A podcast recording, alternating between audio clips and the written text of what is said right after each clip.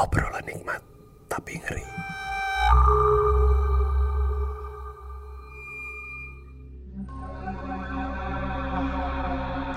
Cerita ini diambil dari kisah nyata paling seram yang dikirim ke DM USS Fit. Halo, eh, nama gue Dani. Gue mahasiswa tingkat akhir di salah satu kampus di daerah Palmerah. Hari ini gue datang ke kantor USS Fit. Gue mau ceritain pengalaman gue yang paling serem yang pernah gue alamin. Jadi gini nih ceritanya.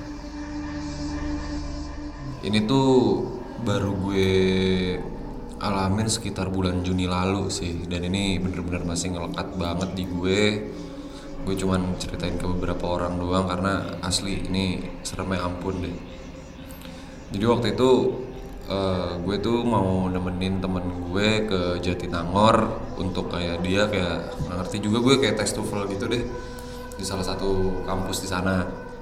Nah si temen gue ini namanya Mirza.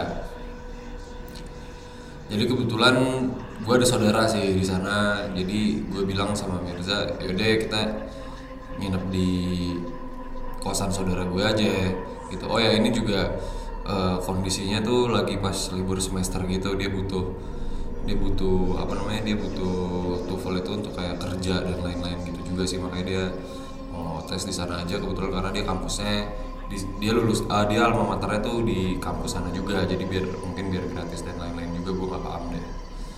Ya udah sampai gue di kosan saudara gue ini gue udah udah megang kuncinya karena dulu gue emang sering ke sana juga kayak gitu pas sampai udahlah gue istirahat dulu main laptop bentar segala rupa. Habis itu kayak oh ya kosannya dia kamarnya dia ini di lantai tiga. Jadi kita kalau misalnya mau yang kayak ngerokok atau ngopi-ngopi gitu tuh di lantai dua. Ya udah jadi gue udah sekitar jam 8 jam 9 gitu gue memutuskan sama si Mirza untuk kayak turun ke bawah ayolah kita ngopi-ngopi dulu segala rupa kayak gitu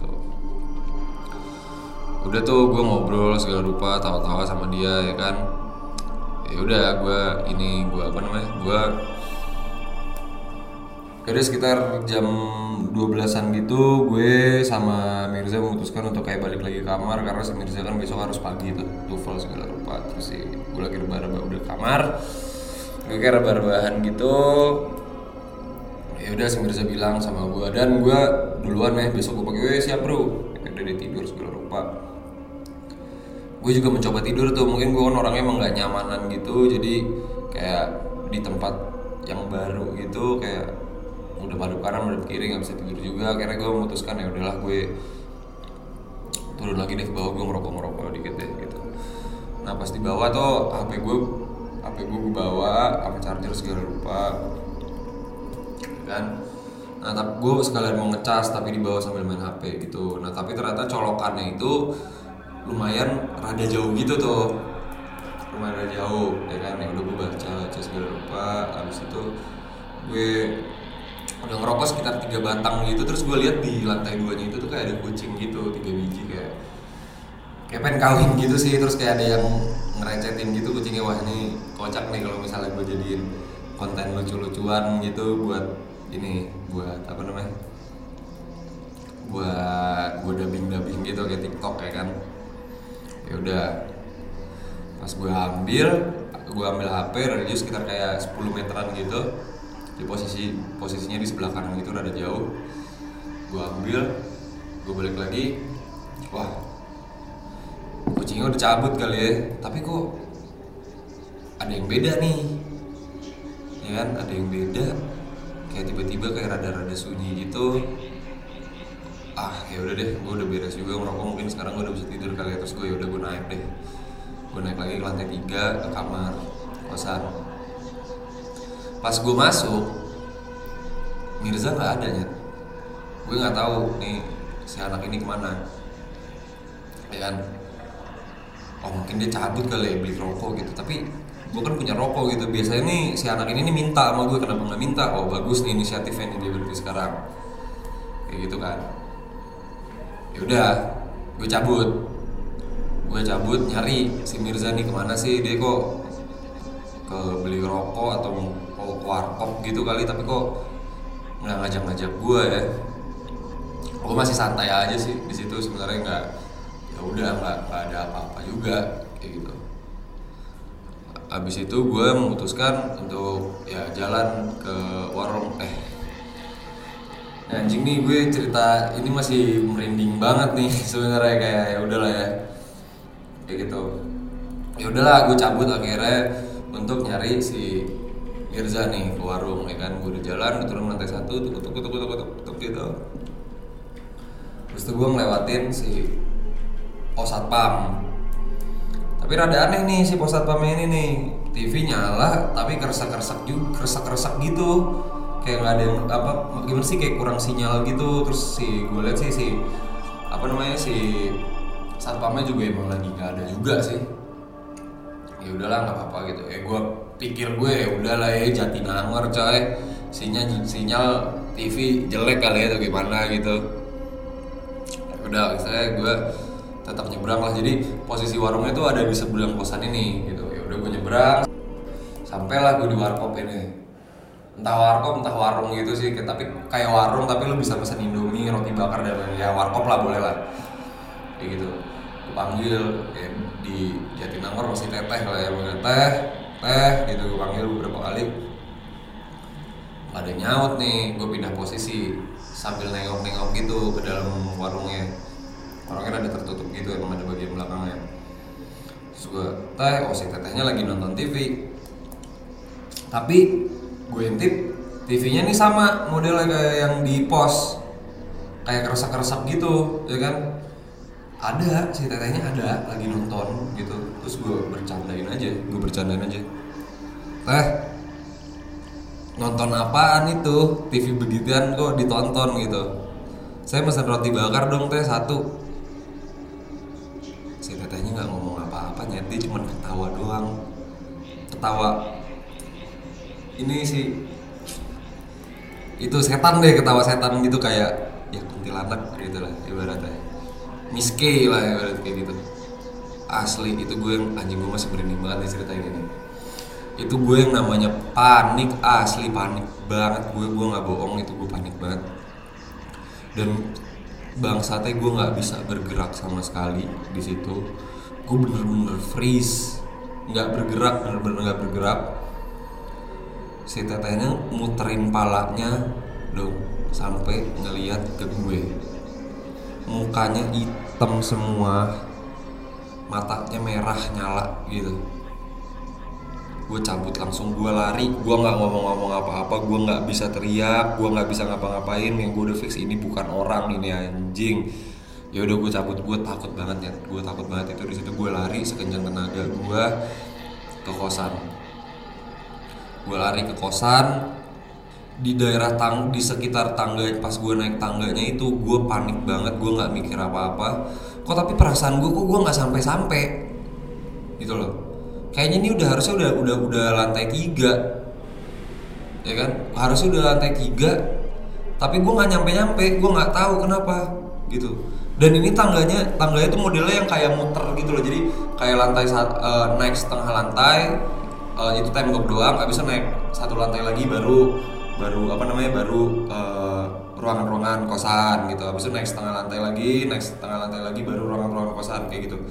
Dan di situ gue naik itu cuman kayak lantai tangga tangga darurat gitu loh. Di situ situ aja. Dan gue belum sadar waktu itu.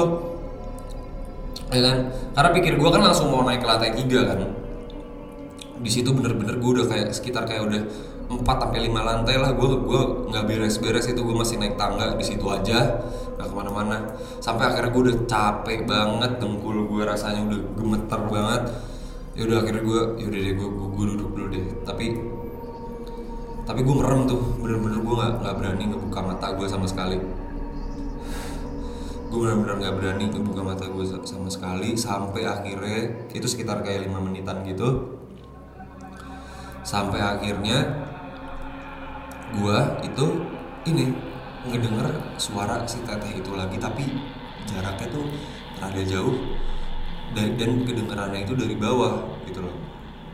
Nah masalahnya nih yang, yang urban legend yang gue percayai adalah bahwa kalau misalnya kuntilanak itu kan kalau suaranya jauh berarti dekat suaranya dekat berarti jauh ya kan? Itu gue makin jadi makin panik lagi. Gue baca surat-surat doa-doa deh yang yang ada di kepala gue akhirnya gue naik lagi dan untungnya itu udah udah udah beres anjir. Akhirnya gue nyampe di di, di di lantai yang bener sama kamar kosan saudara gue itu. Gue langsung buru-buru masuk kamar gue kunci dan gue nggak ngeh ternyata kosannya itu kosong melompong. Mirza nggak ada. Cuman kayak kosan baru gimana sih? Kosan kosan baru gitu lo baru mau masuk kosan ya udah cuman ada rak sama kasur doang nggak ada spraynya. Kayak gitulah kondisinya pas gue masuk. Gue udah bodo amat. Udah bodo amat gue pokoknya tengkurap. Gue nggak gue nutupin muka gue pakai bantal gue nggak mau lihat kanan kiri. Tapi yang gue rasain pas gue di dalam kosannya itu tuh rasanya gue kayak di apa ya kayak diliatin terus gitu loh sama orang. Nggak tahu kayak ada yang ngeliat gue aja gitu tapi nggak ada suara apa-apa nih ya kan? Tapi gue rasanya tuh nggak nggak nyaman dan ngerasa nggak aman sama sekali kayak ada yang ngeliatin gue kayak gitu. Sekitar 10 menit gitu gue masih belum bisa tidur ya panik.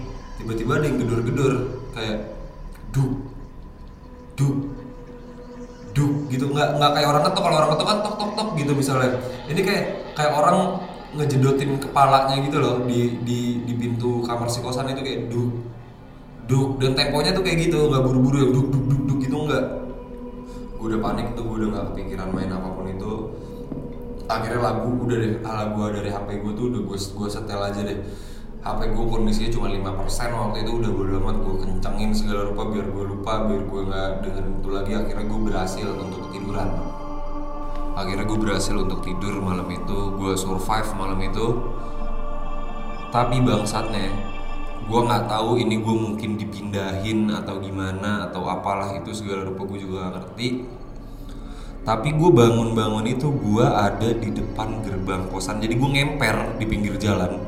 Bener-bener gue ngemper di pinggir jalan. Dan yang bangunin gue itu satpamnya. Ya kan? Yang bangunin gue itu satpamnya. Bener-bener satpam si yang punya kosan ini gitu loh gue dibangunin gue panik lah segala rupa. Gue nggak berani cerita apa pun itu ke ke si satpamnya ini. Tapi gue minta pak temenin saya dulu yuk ke ke kosan uh, saudara saya ada di atas. Gue dibawa ke atas dianterin akhirnya si bapaknya mau gue dianterin ke atas. Gue ketok uh, akhir dan bener ada Mirza di situ ada gitu. Dan dia bahkan belum bangun. Gitu loh dan dia belum bangun baru di situ gue ceritain ke Mirza.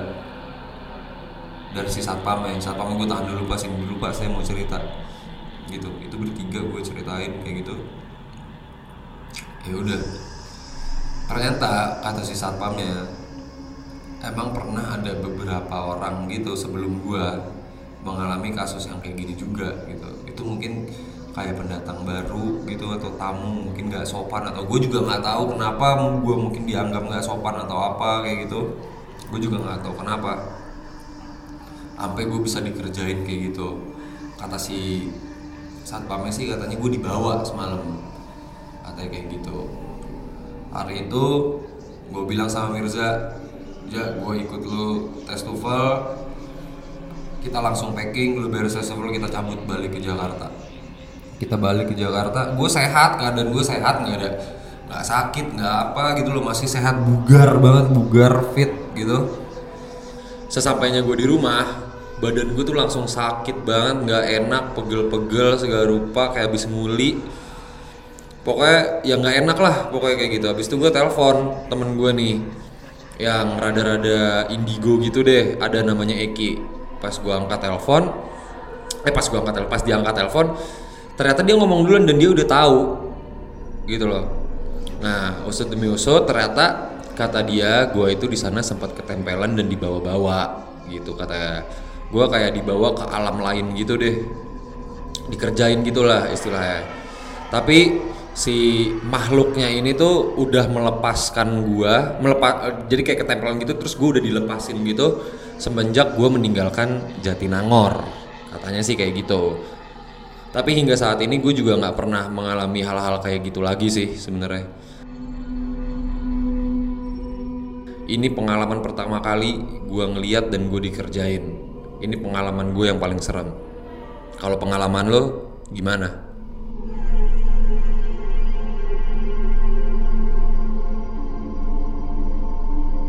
Obrolan